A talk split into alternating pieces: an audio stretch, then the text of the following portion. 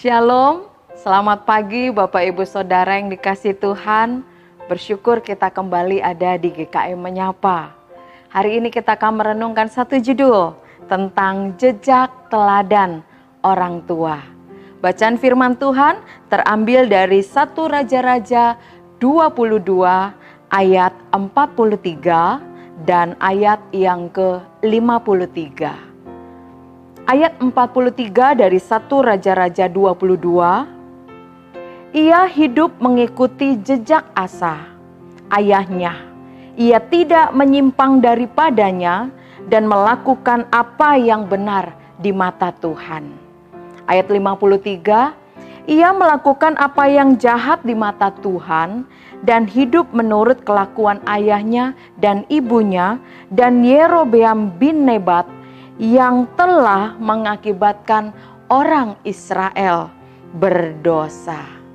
Bapak Ibu Saudara yang dikasih Tuhan, bacaan kita hari ini menceritakan tentang keberhasilan dan kegagalan orang tua dalam memberi teladan kepada anak.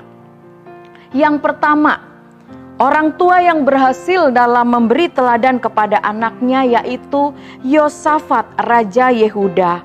Dia adalah anak dari Raja Asa. Dalam ayat 43 tadi mencatat bagaimana Yosafat hidup mengikuti jejak Raja Asa ayahnya. Yosafat tidak menyimpang daripadanya dan melakukan apa yang benar di mata Tuhan. Maka Yosafat cukup lama memerintah sebagai raja Sepanjang hidup Yosafat, ia tidak menyimpang dari jalan Tuhan. Yang kedua, contoh orang tua yang gagal dalam memberi teladan kepada anaknya, yaitu Ahasia, Raja Israel, anak dari Raja Ahab yang pasif dan Ratu Isabel yang mendominasi. Di mana tadi kalau kita baca ayat 53 dicatat eh, Ahasia melakukan apa yang jahat di mata Tuhan dan hidup menurut kelakuan ayah dan ibunya yang mengakibatkan orang Israel berdosa.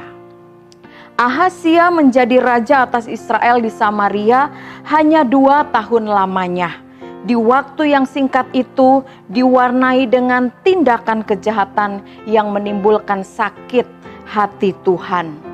Apa yang diperbuat Ahab ayahnya itu menjadi model jejak langkahnya Ahasia. Bapak Ibu Saudara, pesan apa dari firman Tuhan yang akan yang kita dapat dari kisah para raja ini?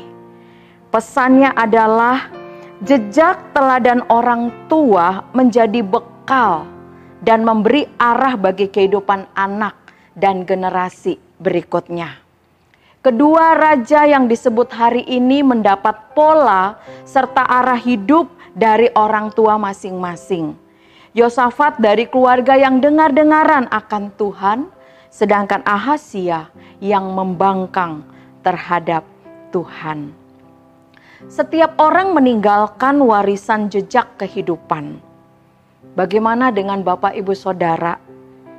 Hendak dikenang dan warisan apa yang hendak Bapak Ibu Saudara tinggalkan kepada anak cucu Bapak Ibu Saudara?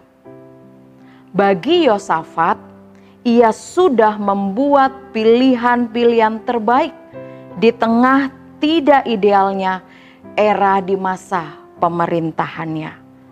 Ini juga mengajarkan kepada kita bahwa seburuk apa pun keadaan kita saat ini, kita tetap bisa memilih yang terbaik. Kiranya perenungan ini menjadi berkat untuk kita semua. Tuhan Yesus memberkati.